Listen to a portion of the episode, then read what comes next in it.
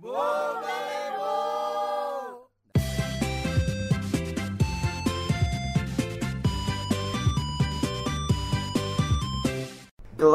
Podcast. Eh, oh ya hari ini eh, kita masih bareng gue Andri Melin Koi dan siapa yang jauh di sana? Nah. Hari ini Bang Gibran juga belum bisa datang ya karena kayaknya ayam-ayamnya masih butuh disuntikin kayaknya. tapi anak hilang Oke, eh, hari ini eh, kita akan ngebahas terkait masih lanjutan yang kemarin nih kak, masih episode ketiga yang Kak Tunjung ngebahas tentang financial management. Yang pertama tuh eh, Kak Tunjung kemarin bilang terkait dana darurat. Nah setelah dana darurat kita tuh harus punya asuransi, barulah kita bisa investasi. Nah kalian pernah nggak sih kak eh, punya asuransi gitu atau terdaftar di asuransi? kalian pernah pernah Gi- gimana Atau kalian punya nggak sih asuransi? Eh, kalau gue ya eh, gue sebenarnya punya asuransi tuh nggak sengaja coy Hmm. jadi di telepon sama telemarketing tau-tau gue terdaftar Telemarketingnya mulas-mulas atau nggak sopan? gue ini lagi buru-buru dan gue iya iya aja coy Oke. Terus- Itu pengalaman tentang asuransi nih.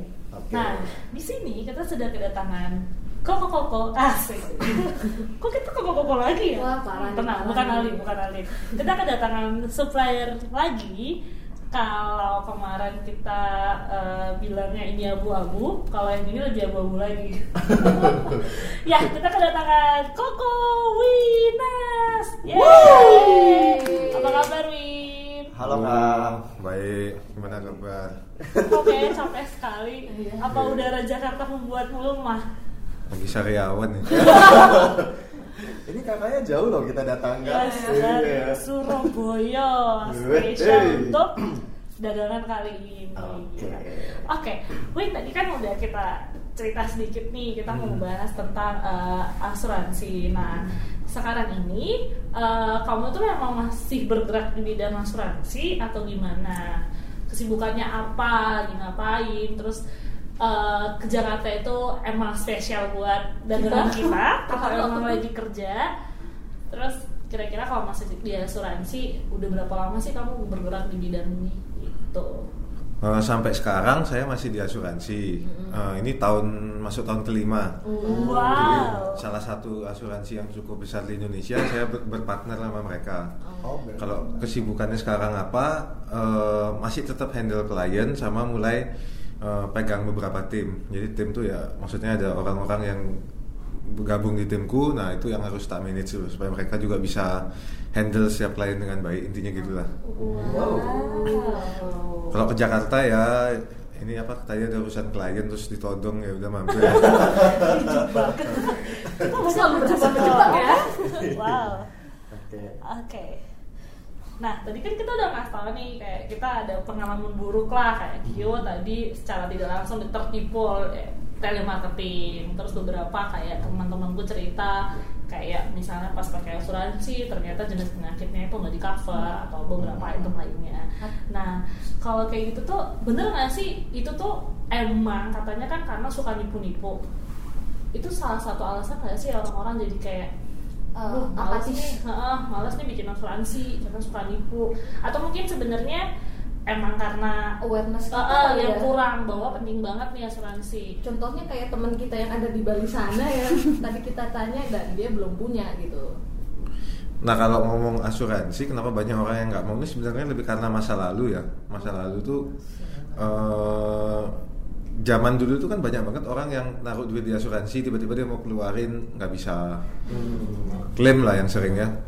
Nah kalau klaim tuh kenapa sulit? Sebenarnya bukan sulit, tapi waktu kita beli asuransi kita harus ngerti betul produk apa yang kita beli. Misalnya yang simple, kan asuransi itu ada asuransi kesehatan, ada asuransi jiwa, ada yang lain lagi. Contoh sering kali kalau eh, apa telemarketing misalnya dia tawarinnya asuransi jiwa, kita pikir kesehatan. Oh. Seringkali kan dalam bayangan kita tuh maksudnya oh kalau punya asuransi berarti kalau masuk rumah sakit bisa dibayarin dong. Iya. Padahal belinya jiwa. Ya kalau itu tunggu lupa napas baru bisa dibayar.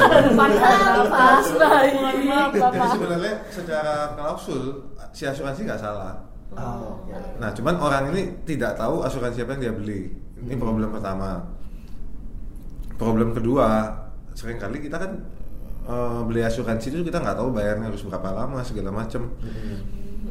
Akhirnya kita pikir udah lunas lunas 7 tahun, 10 tahun misalnya. Habis itu kita nggak pernah bayar lagi. Waktu mau klaim nggak bisa. Sering kali ini kejadiannya di unit link kalau kayak gini-gini. Nah itu ada mekanisme kenapa bisa terjadi seperti itu. Ya, nanti kita bisa ngobrol di belakang lah. Atau yang ketiga bisa juga eh, kenapa klaim tidak dibayar selain salah produk sama yang tadi kedua itu setting dan yang nggak pas. Eh, bisa juga karena dalam asuransi khususnya kesehatan ya itu ada namanya masa tunggu. Jadi produk tuh enggak hari ini kita daftar, hari ini bisa langsung dipakai. Nah, ada hal-hal yang mungkin tiap company punya polisi sendiri, tapi misalnya baru bisa dipakai sebulan kemudian. oh. Ada yang baru bisa dipakai setahun kemudian. Nah, yang kayak gini-gini kadang-kadang kan nggak dijelasin. Oke. Kenapa nggak dijelasin ya kita nggak boleh suujon lah ya. Tapi intinya mungkin karena nggak mungkin ditanya. su- nggak ditanya, jadi dia merasa nggak perlu jawab bisa juga. Iya. kan. Tapi intinya ini kan bisa jadi satu hal yang di mana klien jadi kecewa. Hmm. Dia pikir dia bisa klaim ternyata nggak bisa. Nah, misalnya kayak gitu. Kurang lebih sih tiga itulah. Sama yang terakhir paling ya kalau klien lupa bayar premi Oh, mati kan polisnya. Oh. Ya kalau polisnya mati udah nggak bisa klaim. Oke. Oh, oke. Tapi sama ini deh tadi kan udah dijelasin tentang Oh, ketinggalan satu lagi, sorry. Kalau misalnya satu lagi yang sering kali bikin masalah itu kalau kita nggak jujur waktu masuk. Misal ada pertanyaan kan, Hmm. pernah nggak ngalami sakit-sakit tertentu? Heeh. Oh. Sering kali kalau dari segi agent Hmm. nggak detail juga kan nanya, karena dia cari gampang. Mm-mm. Oke. Kita juga sering kali kan main gampangnya aja. Mm-mm. Tulis nggak ada sakit apa-apa padahal ada. Nah kalau asuransi ketemu dia boleh cut polisnya. Oh, gitu. Jadi Makanya hati-hati kalau ada pertanyaan kayak apa sakit apa sakit apa yang pernah dialami, Heeh. itu riwayat harus tulis sebetulnya.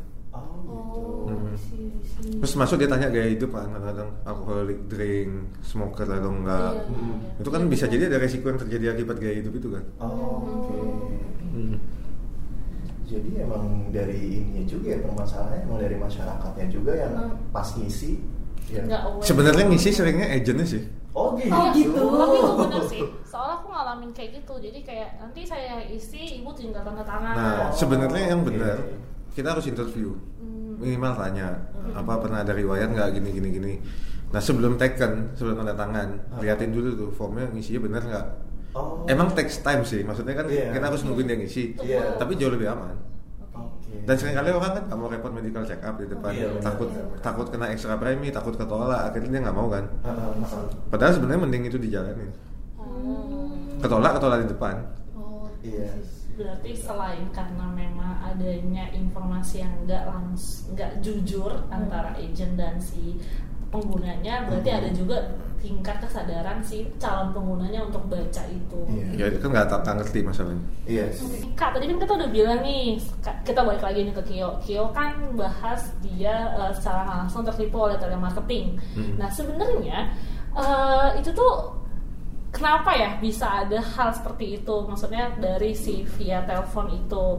Terus eh, dan kenapa kadang mereka ini kalau kita udah tolak eh, jadi malah nggak sopan gitu tuh Hmm, ke kitanya kan? kayak enggak bu ini cuma lima menit doang kok. Paling kita udah bilang telepon saya satu jam lagi misalnya gitu. Harusnya kan mereka dengerin itu kan. Mm-mm. nah itu kenapa ya? Apakah memang mereka ya of course target ya cuman maksudnya eh, kenapa sampai seperti itu? Memaksa memelas jadi nggak sopan dan mungkin apakah itu mungkin jadi salah satu orang jadi males untuk bikin asuransi? Karena dari agentnya aja nelfon kita udah nggak sopan gitu Ya namanya juga usaha kan. bener sih nggak salah sih Win Tapi kalau orang sampai males segala macam itu kan banyak sebab. Bisa jadi Iya. karena riwayat di masa lalu yang tadi kita Ah. ngobrol panjang. Ah. Bisa jadi karena perilaku agentnya.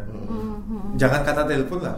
Iya. Ketemu langsungnya kalau agentnya ngawur-ngawur kan juga males yo. Iya sih. Mhm. Terus besok di WA lagi. Iya betul. Obsesif ya? Bisa nggak sekarang? Iya. Misalnya gitu kan. Padahal sebenarnya kalau dipikir-pikir kan aslinya yang memutuskan kebutuhannya butuh apa enggak itu kan si klien. Hmm, benar-benar. Agent ini kan cuma ngasih tahu, oh ini loh ada yang kayak gini misalnya. Kalau lihat dari lifestyle dia kayaknya butuhnya ini. Heeh. Tapi at the end yang mutusin sebetulnya kan bukan agent. Nah cuman kadang-kadang kan sering kali yang mutusin kan agent. Udah untuk kalau kamu budgetnya segini aja, manfaatnya Oh, iya, ini aja benar. gitu. Iya. Tanpa nanya dulu makanya. Iya sih, benar-benar benar-benar. Padahal harusnya kita tahu dulu kebutuhan kita apa. Mm-mm. Jadi- Ya, tapi kalau ngomong dari kebutuhan berat lagi urusannya karena kan orang juga nggak tahu kebutuhannya apa kadang-kadang. Hmm. Oh, nah menyangkut kebutuhan nih ada nggak sih jenis-jenis asuransi kayak kesehatan tadi kan kamu mention Iya, kesehatan, jiwa. terus apa lagi sih Ada apa lagi sih kan tentang produk-produk asuransi itu? Kalau ngomong dari jenisnya asuransi itu secara garis besar, ini kalau ngomong tentang yang asuransi jiwa ya Mhm. ada lima. Asuransi jiwa sendiri itu kalau orangnya lupa napas keluar ke ahli waris. Iya. Iya, benar. itu gimana ya Oke oke. Itu yang nikmati orang lain bukan kita pasti. Kan kita lupa napasnya, jadi yang nikmati ya yang masih ingat. Nah, terus yang kedua, yang paling umum di Indonesia itu asuransi kesehatan. Sampai pemerintah pun turun tangan bikin program buat yang nomor dua ini. Intinya asuransi kesehatan adalah kalau sakit kan biaya rumah sakit gede. Iya. Nah itu ada asuransi yang take over biayanya. Intinya cuma itu. Hmm. Yang ketiga ada lagi asuransi yang namanya asuransi sakit kritis. Jadi kalau orang ini ngalamin jenis-jenis penyakit yang rada berat ya, Hmm. yang rada serius gitu, nah turun sejumlah uang untuk ngatasi misalnya dia punya biaya hidup dan segala macam. Nanti kita ngobrol di belakang. Hmm. Yang keempat ada juga namanya asuransi kecelakaan. Hmm. Misalnya orang nih kalau dia sampai cacat atau meninggal akibat kecelakaan, Hmm. nah asuransi bayar kerugiannya gitu. Yang terakhir namanya asuransi pembebasan premi. Pembebasan premi itu gini. Jadi kalau kondisiku misalnya mengalami sakit-sakit yang cukup serius ya, misalnya kayak contoh stroke, kanker, jantung, aku nggak perlu bayar polisku lagi. Oh. Perusahaan asuransi lain akan membayar. Nah ada skema yang kayak gitu. Jadi kalau dari segi produk, sebetulnya kurang lebih ya lima hal ini. Oke. Berarti tapi yang paling sering ditawarin itu yang jiwa sama kesehatan doang ya biasa selama ini kita tahu itu ya. Nah, kalau yang paling sering kesehatan sebetulnya. Iya. Oke. Karena kalau kita bahas pakai kayak segitiga gitu ya, kita Ah. bagi tiga segitiganya ya. Mm-mm. Kita ada tiga kebutuhan. Mm-mm. Yang paling basic itu namanya kebutuhan akan biaya rumah sakit. Kenapa? Karena kita kan semua kerja di sini mungkin Kak Tunjung udah bahas panjang lebar, kita berinvestasi sana sini, kita juga punya dana darurat mungkin 6 bulan atau 12 bulan Hmm. untuk biaya hidup. Itu kan musuhnya cuma satu. Kalau tiba-tiba ada gangguan kesehatan, Oh iya benar benar. sekarang gini lah digigit nyamuk aja itu paling enggak siapin 10-15 juta lah Iya. masa bisa minta ganti rugi sama nyamuknya enggak mungkin nah itu sakit yang simpel loh Iya. Oh. Kalau yang, yang berat gimana nah angkanya kan bisa bahkan gaji kita setahun bahkan gaji kita lebih dari satu tahun Mm-mm. nah intinya asuransi kesehatan mengcover resiko kerugian itu kalau terjadi Hmm. bayar rumah sakitnya gitu Iya iya. Nah, kan super mahal nih ya udah kita kasih risiko ke asuransi supaya tenang itu yang pertama nah segitiga yang level di atasnya yang layer tengah Hmm. itu namanya perlindungan terhadap income Ah, itu yang kalau Kak Tunjung kemarin udah bahas soal dana darurat. Nah sebenarnya dana darurat ini kalau mau dibedah apa sih isinya? Dana darurat ini kan ya kita punya uang dapur kita punya apa lagi? Cicilan kendaraan misalnya. Kita punya cicilan rumah tempat tinggal atau mungkin ada kebutuhan lain lah yang sebulannya kita keluar ada yang pakai driver kalau udah agak tua kan atau di rumah punya asisten rumah tangga kalau punya anak ya berarti ada uang sekolah anak Iya. kalau yang berbakti sama orang tua berarti ada tunjangan untuk orang tua kan Kalau yang berbakti. tergantung Orangnya ya. terus termasuk dia di dalamnya ada investment yang dilakuin dan segala macam itu kan sebenarnya jadi pengeluaran rutin bulanan Hmm. Apa urusannya income sama pengeluaran rutin ini Mm-mm. hubungannya kan cuma begini selama kita dapat income semua pengeluaran yang ada ini nggak akan jadi masalah Ah. karena income kita cukup untuk mengcover pengeluaran yang tadi kita sebut Iya, iya. Oke. yang jadi persoalan kalau income-nya berhenti Heeh. nah pengeluaran yang tadi ini kan jadi tanda tanya? Iya. nah, ke- pertanyaannya kenapa pengeluaran bisa berhenti Mm-mm. kan itu yang harus dicek sebabnya Hmm. kalau cuma dipecat oleh perusahaan itu sebenarnya masih ada solusi lah Iya. asal kita ini masih sehat masih punya semangat kerja Hmm. itu kita bisa apply di perusahaan lain atau buka bisnis sendiri mungkin Iya. oke gitu Ah. maksudnya financial bisa Masih bisa kembali Hmm. nah cuman kalau kita tuh berhenti kerjanya akibat alasan-alasan kayak gangguan kesehatan atau tadi lupa napas misalnya kan ya udah kalau kayak gitu kan maksudnya benar-benar nggak ada kesempatan Iya benar-benar. Artinya kebutuhan yang tadi kan ada resiko bisa terbengkalai Walaupun kita punya cadangan 6 bulan atau 12 bulan buat hidup Nah, solusi gimana? Nah, kebutuhan-kebutuhan ini kita hitung lah paling enggak 5-10 tahun dari biaya hidup kita Mm-mm. Itu masukin ke asuransi namanya asuransi sakit kritis Ah. Karena umumnya asuransi sakit kritis itu kalau dia sakit atau meninggal misalnya bisa kebayar. Mm-mm. Jadi kalau orang ini sampai ngalamin gangguan kesehatan yang cukup serius, Mm-mm. dia dapat sejumlah uang Mm-mm. yang walaupun dia sembuh besoknya tetap uang itu kan jadi milik dia. Sehingga dia punya pilihan mau ker- bisa kerja lagi syukur uang itu jadi tambahan. Tapi kalau nggak bisa kerja lagi pun udah ada uang yang bisa nge-backup hidup dia 5-10 tahun ke depan.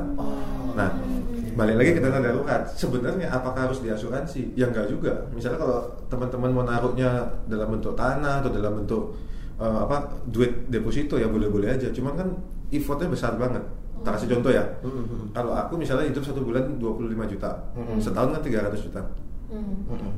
Lima tahun biaya hidup berarti kan aku harus spend satu setengah miliar. Yes. Bayangin ya, opsi satu kalau aku beli tanah.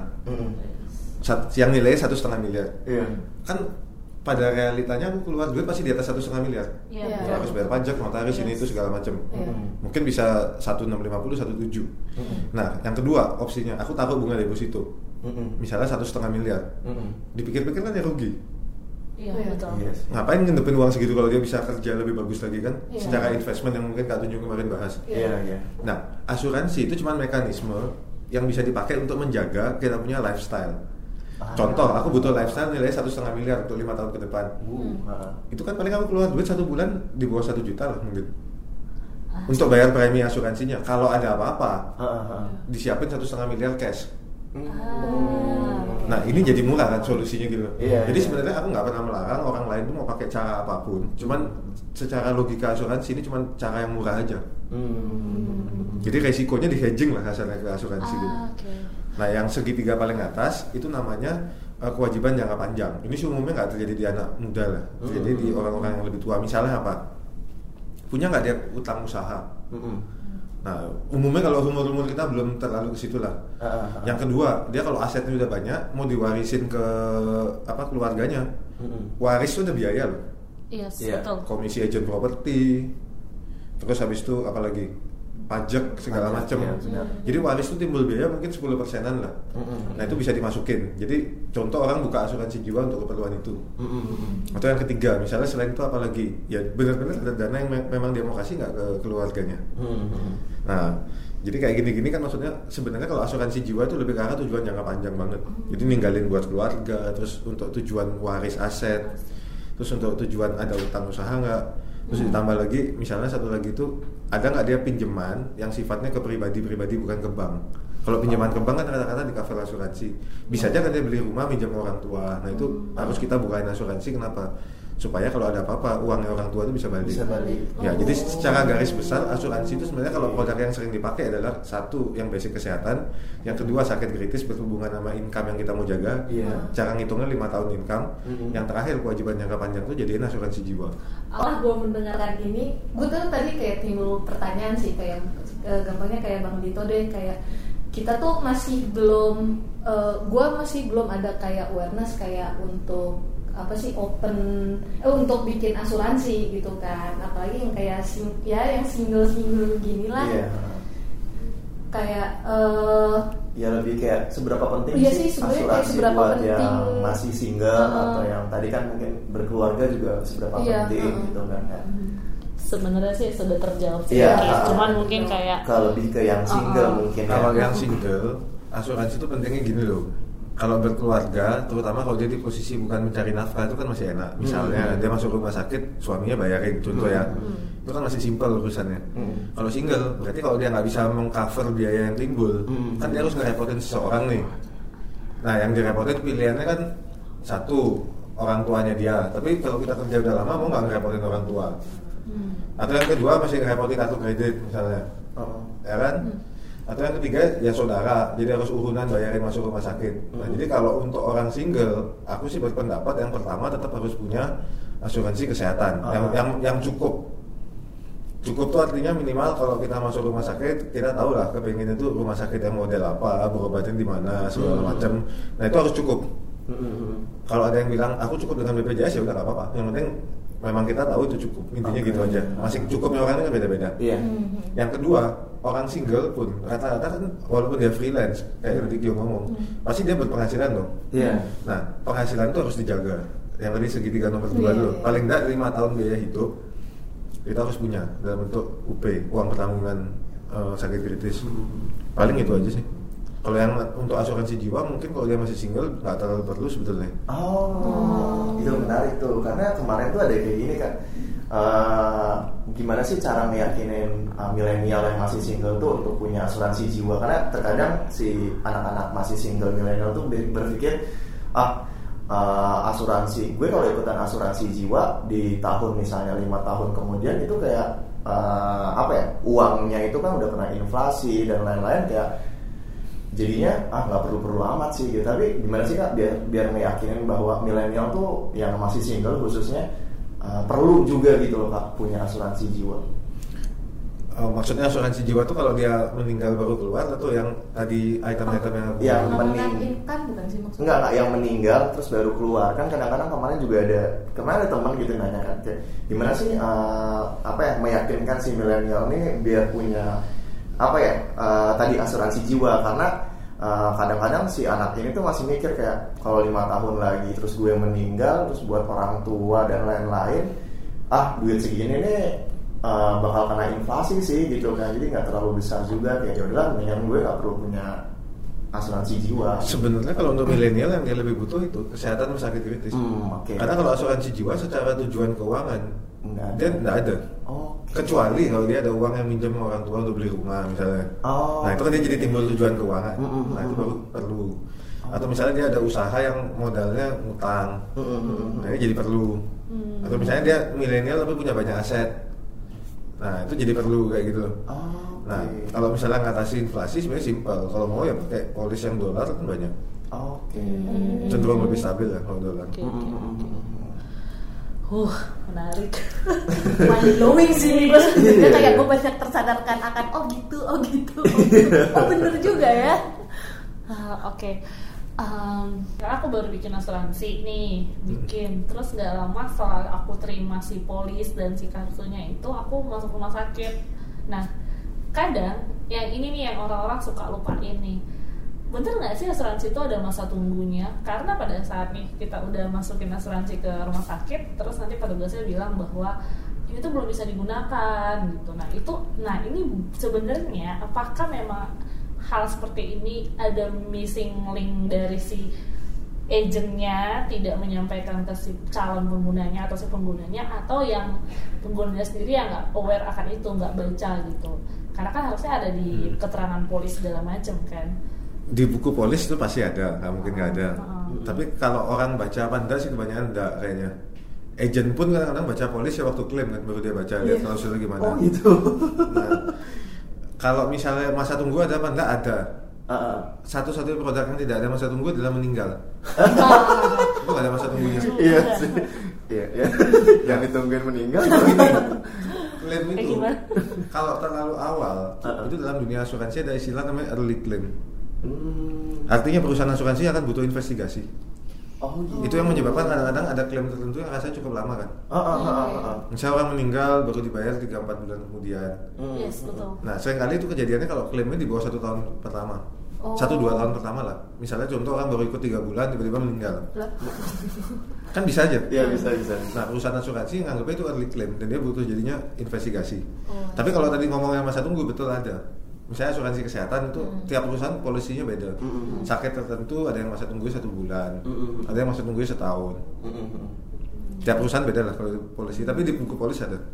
Um, Kalau teman-teman beli, Hmm. ya tanyanya sama agennya masa tunggu berapa lama. Sebenarnya sebenarnya Kak, kalau misalnya si asuransi bilang masa tunggu itu sebenarnya apa sih yang dilakuin sama asuransi Kak? Kayak apakah tadi kan kalau misalnya meninggal kan mau investigasi nih. Apakah pas kita daftar juga asuransi butuh waktu itu untuk menginvestas menginvestigasi kita juga Kak? Uh, kalau daftar, Ah. perusahaan asuransi itu umumnya percaya dengan keterangan kita. Oh. Jadi contoh, seumurku aku kalau ngajuin uang pertanggungan sampai 5 miliar, ah. sering kali perusahaan asuransi nggak butuh medical check up. Apa pun yang aku tulis dia percaya. Waduh. Tapi di atas di atas itu dia cek. Oh, Nah. oke. Cuman kan jadi aneh. Misalnya kalau aku baru ikut kayak tadi ceritanya, tiba-tiba langsung klaim, pasti dia investigasi kalau terlalu cepet. Oh. Kan bilangnya nggak ada apa-apa, kok tiba-tiba jadi ada apa-apa gitu. Iya, ah, ah, Dan itu fair aja maksudnya. Makanya itu yang aku bilang tadi kalau balik ke depan, sebenarnya kalau dari riwayat apa aja, baiknya ditulis itu kenapa supaya kalau kena investigasi kita jadi nggak takut Oh. investigasi cek aja maksudnya kan memang benar Ah, ah, ah, benar-benar. andai kata kita udah nulis jujur di depan kan Ah. artinya kita udah ngelepasin resikonya kita wow Eh, ini juga sih Kak, kayak beberapa tahun lalu tuh sempat ada anak artis kecelakaan uh, mobil ya di jalan tol Bogor. Mhm. Nah, uh, itu sempat heboh karena ada asuransi yang tidak apa ya membayar klaimnya katanya karena ternyata si anaknya itu melanggar hukum karena kan mengendarai mobil di, ba- di bawah umur ya. Hmm. Apa benar sih ternyata kalau asuransi itu nggak akan ngeklaim kalau misalnya ada tindakan pidana di situ gitu, ada pelanggar hukum di situ gitu. Eh, asuransi apa pun pasti tidak akan membayarkan klaim selama di situ ada tindakan pidana Oh, Oke. Jadi kayak itu kan berkendara di bawah umur misalnya. Hmm. Contoh gini dah simpel. Kita naik sepeda motor, Hmm. kita jatuh kecelakaan pada tulang. Hmm. Dia akan pertanyaan pertama bawa SIM nggak? Oke. Pertanyaan kedua pakai helm nggak? Oh, di investigasinya. sedetail itu sedetail ya oh wow. Itu pasti ada pertanyaan itu. Hmm, hmm, hmm. Nah, yang kayak gini-gini ini kan sering kali di, di Indonesia kan kadang-kadang orang suka nggak aware, iya Oh. nggak bawa SIM, Iya benar. nggak pakai helm. Oh, jadi makanya kenapa ada kejadian bentar, ke- ada kejadian kecelakaan terus nggak bisa diklaim tuh karena tadi itu ya Hmm. dia nggak nggak mematuhi peraturan hukum. Nah makanya penting banget teman-teman kalau di tol mengikuti speed limit, mengikuti Oh. aturan-aturan. Oh. Karena kalau pas in case ada kejadian, Oke. itu akan kita bisa itu jadi nggak masalah. ah Nah, kalau misalnya itu yang tadi kasus yang diceritain tadi ya, Hmm. kalau klaimnya itu dibayar, anak di bawah umur mengendarai mobil, Hmm. berarti kalau ada orang mati karena terorisme dia harus dibayar dong. Maksudnya dia jadi terori, jadi teroris. Oh, Iya, iya. benar. Oh, Lah, Oh iya benar benar benar juga. benar. Wow. soalnya kena kasus lebih besar itu. benar-benar Oh, nah, eh, apa masih nyambung sama yang kecelakaan di jalanan nih kak? Kan di dalam biasanya kan ada orang yang ada yang bilang katanya di dalam STNK kita itu ada asuransi gitu kan kak. Hmm. Nah, tadi apakah si asuransi yang di dalam STNK ini tetap mengikuti regulasi yang kalau melanggar hukum tidak akan cair juga ataukah kayak ya kecelakaan aja jadi bayar aja gitu?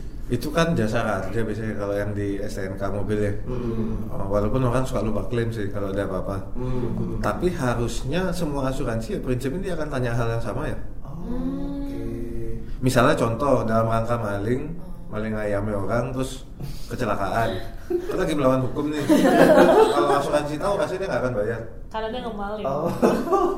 Oke. Ke- Kejadiannya sama sih maksud gue kayak waktu kakak gue kecelakaan pun jatuhnya dia eh, tidak bisa melakukan klaim Klaim. eh, apa sih klaim Asuransi. asuransi karena Oh, gitu. kondisinya adalah eh, kayaknya kesalahannya dari kakak gue gitu. Hmm. Tapi kalau misalkan yang gue baca ya karena Hmm. waktu itu kayak gue lagi berusaha apakah ini bisa diklaim dengan dengan apa dengan asuransi atau enggak Hmm. yang gue baca itu kalau misalkan lo kecelakaan tunggal itu masih ada kemungkinan lo akan di eh, bisa kalau kecelakaan tunggal tuh bisa diklaim ah. kalau gue nggak salah ya Hmm. terus sama kalau kecelakaan ya kalau lo jatuhnya pelakunya Hmm. walaupun kondisinya adalah eh, yang melakukan kecelakaan itu lebih parah Hmm. bisa nggak kena klaim Oh, Oke. Oh, berarti menarik nih karena dulu dari gue kecil tuh ada yang bilang, eh nyebrangnya di, di zebra cross. Iya, Kenapa? iya. Kalau ditabrak bisa diklaim Iya. kayak gitu. Itu benar gak sih? Benar. Benar-benar. Oh, at least secara pidana lo ini coy aman Oke, jadi emang kita harus benar-benar taat peraturan ya supaya Iya. kalau misalnya kenapa-napa bisa, bisa diklaim. diklaim atau nggak lo menang pidana deh saya kan nyebrangnya udah bener Oh, oke oke.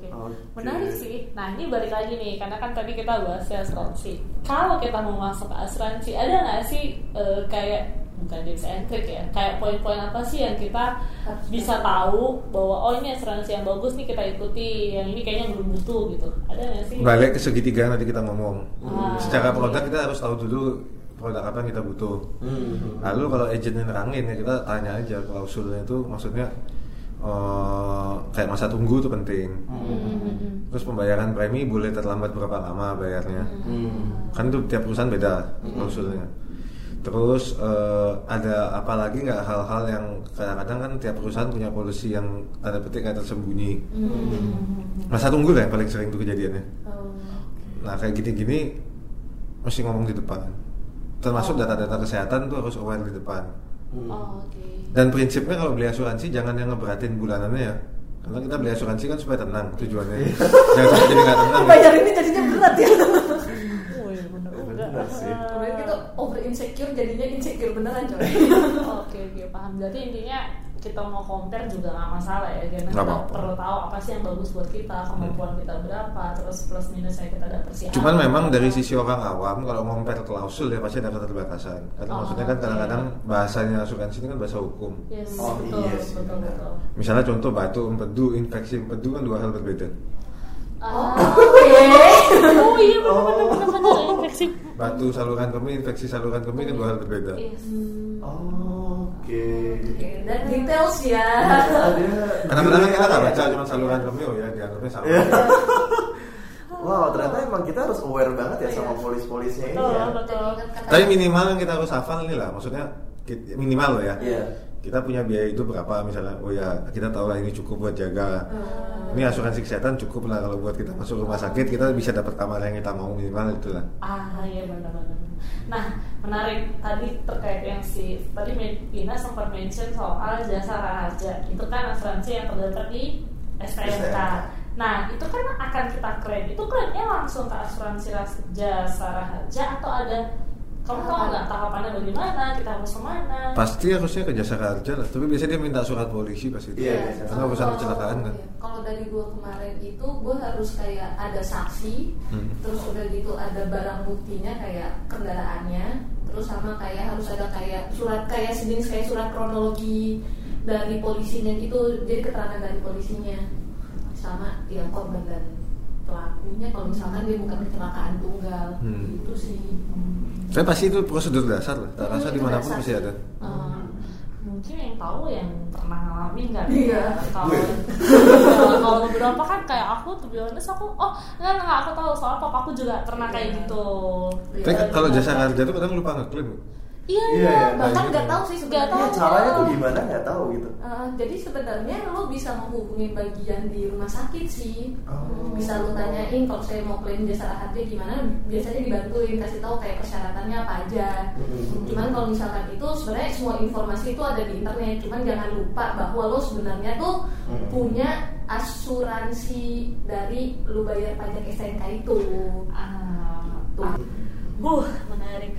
Win, selama kerja di bidang ini, ada nggak sih cerita-cerita menarik ngadepin klien Iya. yang mungkin memang tidak paham sama sekali asuransi atau yang sudah paham tapi dia masih tadi ngerasa nggak belum butuh atau ngerasa takut ditipu. Ada nggak sih pengalaman menarik?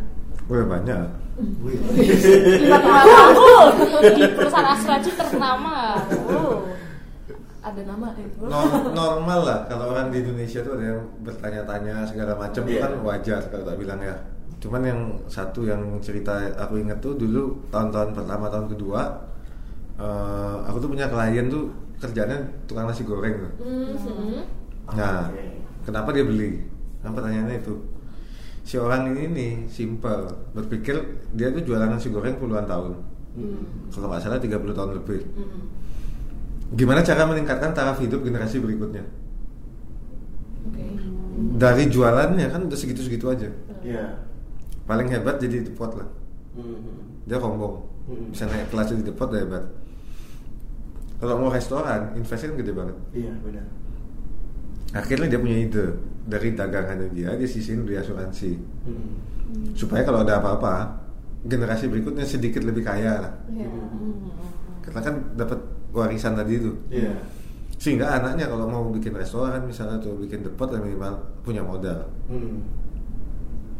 Itu aku ingat cerita waktu awal-awal. Ngeyakinin orang ini gak gampang. Ah, Oke. Karena kan dia merasa ini awam banget. Iya benar benar. benar. Akhirnya ya udah cuman bilang aja, Pak jualannya tambah lagi 2-3 piring nih sehari. Duitnya simpan kalau ada apa-apa kan anak-anak aman. Anggapnya ketipu lah bilang. Kan ya bapak nggak rugi gara dua piring doang kan. Hmm. Oh. Kan dua piring sebenarnya nggak bikin bangkrut juga kan. Iya benar benar benar. Oh. Anggapnya ketipu nyoba-nyoba gitu. Dan akhirnya dia mau bikin asuransi. Akhirnya mau. Dengan penjelasan sesimpel itu tadi. Memang jangan ribet-ribet ya. Iya. ribet makin kadang kan biasanya iya Iya. bener sih cuma kadang kayak "Ya, udah usah lah pak saya Iya. simpen duit aja di bawah kok nggak tidur Ah, tapi jadi menarik. Yang gitu juga ada. Oh ya nggak apa-apa juga kan pilihannya orang Iya. Tapi jadi menarik loh kak. Eh, gimana sih kak ngejalin trust sama apa ya calon nasabah gitu loh kak?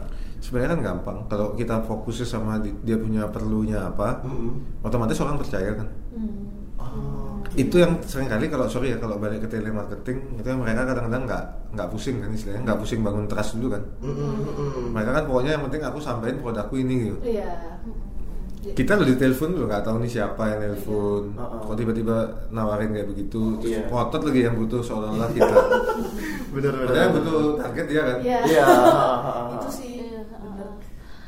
Oke. Oke. Jadi penting banget ya itu kayak kadang tuh ngerasa fokus ke kebutuhannya klien aja Yes. Oh, berarti untuk membangun trust sama orang kita harus tahu nih kebutuhan yang kita jalin tuh. harus bisa gali Iya harus bisa gali itu kebutuhannya tuh apa. Termasuk kekuatannya dia kira-kira bisa bayar preminya berapa segala macam kadang orang kan sungkan misalnya ketinggian masang premi dia kan nggak enak ngomong kalau mau turun tuh Iya. ya kita harus peka maksudnya Oke.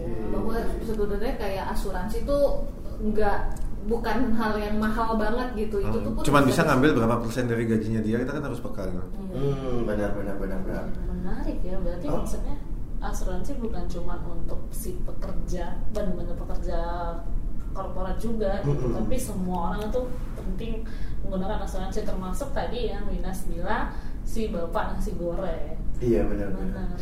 Berarti kalau misalnya ditarik ke sini asuransi ini bisa buat ini banget ya kayak menghidupi keluarganya untuk keluar dari kemiskinan mungkin ya ya? Bukan cuma itu, sebenarnya tujuannya asuransi itu menjaga supaya lifestyle kita tetap ada di titik yang sama apa pun resiko yang terjadi.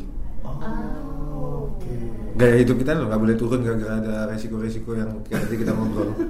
Ya. Contoh sih bapak lupa napas terus keluarga jadi susah hidupnya. Oh iya Ada loh maksudnya. Ah, ah, ah. segampang itu sih maksudnya kayak lo kerja kayak gue kayak freelance pas lagi gue nggak ada keamanan tahu-tahu gue sakit kalau gue nggak punya asuransi gue harus bayar full coy untuk di rumah sakit Hmm, gitu loh. kayak sesimpel itu sih. Padahal misalnya bayar asuransi kan kesannya kayak uang rugi, tapi aslinya kan ya nggak sampai nol banget lah hasilnya, Iya. masih ada lah. Kayak cashback berapa gitu. Wah, kerja cashback coy.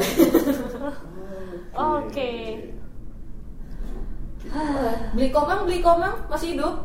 Nggak lupa napas kan bang Dito bang Dito Eh, sebenarnya BPS BPJS aja itu cukup nggak sih atau harus ada backup eh, asuransi lain kah atau kayak gimana? Cukup nggak cukup tuh relatif. Kenapa aku bilang relatif tergantung standarnya dia. Standar tiap orang kan beda-beda. Iya. Misalnya kalau yang berobatnya tuh ngantri nggak apa-apa, terus dokternya juga nggak bisa terlalu milih, rumah sakitnya juga nggak bisa terlalu milih, dia merasa oke, ya mungkin BPJS cukup. Hmm. Tapi ada orang kan yang misalnya buat dia kalau ada flu sedikit dia harus ke Singapura loh. Komang gimana Flu burung kali. Ada orang model gitu kan. ya, saya bukan di daya beli ke sana sih kebetulan ya Kalau yang modelnya kayak gitu, Hmm. kan jadi nggak cukup karena BPJS nggak bisa pakai di luar negeri. Hmm. Nah, jadi ikutin gaya hidupnya lagi. Ah, sih, itu di Bali gitu lebih tinggi coy. Bali, Bali. Tapi andai kata andai kata secara asuransi kesehatan dia rasa cukup pun, dia harus tak minimal dia harus punya asuransi yang bisa cover income dia. iya itu dia Oh. Jadi itu melengkapi BPJS-nya. apalagi kalau dia punya tanggung jawab keluarga ya dan Ya, kalau kalau hidup sendiri pun, Hmm. tetap dia harus punya itu karena kan gimana juga dia harus bisa biayain hidupnya sendiri. Iya, benar. Apa pun yang terjadi gitu. Gitu deh. Oh, Keren ya klien. tapi jadi gue nggak tahu deh ini totally out of topic sih kayak asuransi untuk barang-barang tuh perlu nggak ya Oh iya benar. Tergantung barangnya. Ah. Hmm. Kayak untuk kayak gue nih kamera nih Kalau kamera nggak tahu bisa nggak diasuransi. nah gue nggak tahu Kalau kayak mobil, Yes. tak rasa sih perlu ya kalau hidupnya di Jakarta. Hmm. Tapi kalau hidupnya misalnya Di di sini. pedalaman mungkin nggak tahu perlu ya. iya iya sih itu Di sini ada nggak sih kayak kayak kamera gitu karena setahu gua di di US misalnya dan di beberapa negara lain ada kayak asuransi buat alat kamera dan lain-lain gitu. Hmm, kayak untuk untuk handphone even kayak handphone pun ada asuransi gitu Rasanya ada, tapi aku nggak terlalu dalemin. Kalau untuk asuransi yang kayak gitu, yang aku tahu paling kalau asuransi itu kan kebakaran rumah, Iya, iya, itu benar. ada apartemen kayak gempa gitu dia ada. Kalau dibilang penting apa enggak, lagi ya penting-pentingnya sebelah kanan saya gempa. Iya. Juga. tingkat tingkat resiko Karena- kejadiannya kan? Kalau ngomongin kayak kamera gitu kan itu alat kerja dan Iya. nilainya juga nggak nggak kecil juga gitu. Emang nggak tahu sih belum pernah denger di sini. A- ada pun cuma setahun pertama kayak waktu baru beli Itu pun namanya Oh gitu. garansi kayaknya. Oh itu enggak enggak, enggak. asuransi enggak. di tokonya Oh. misalnya kalau di Surabaya ada satu toko elektronik cukup gede dia punya asuransi buat barang-barang Oh, iya. yang kita beli di situ sama Oh. kayak salah satu toko jadi kalau hilang kalau apa tapi satu tahun pertama doang Oh gitu. sama sih ada kayak toko bangunan Toko bangunan. kayak sejenis toko bangunan itu salah satu yang ternama juga dia menyediakan kayak mau bikin asuransi nggak ini bisa bisa Oh, jadi gitu ya ada ada ya? ada Oh, kemarin kayak gue baru beli oke. koper dan dia kayak nanyain mau ada asuransi atau enggak kayak gitu Hmm. oh gue bilang ya udah pakai kayak gitu itu sih Oke. tapi emang kayak kamera juga maksud gue kan sebenarnya nilainya cukup besar ya dan iya sih gue juga nggak tahu deh. kemarin ada klienku mintanya asuransi buat drone nya dia lagi oh iya itu nggak tahu sih riskannya itu gede banget sih Sama ibu tuh mau banget dia buat kerja juga drone nya Heeh. oke Oke, gitu deh. Begitu pendengar. Jadi eh, sekarang mulai sekarang jangan jangan takut dengan asuransi. dengerin dulu Dengerin dulu. Terus kayak kalau misalnya udah mau daftar, bacalah polisnya dengan baik dan jangan lupa untuk tetap menaati peraturan. Karena kalau nggak menaati peraturan, lu nggak bisa lu nggak klaim, lu nggak bisa klaim. Oke. Oke. Dan cukup sekian tema kita untuk bulan ini di Ten- tentang dunia Pekerjaan. Yes. Yes. Dunia Untuk dagangan bulan depan ditunggu ya guys. Oke, cukup sekian. Ya, kita harus pamit dengan ruangan yang cukup nyaman Nyaman. nyaman ini. ini. Oke. Oke, hari ini gue Andri cabut Melit. Kio dan beli komang dan Kalbinas juga mau cabut kan ya? Oke, see you next dagangan. Bye bye. Bye bye.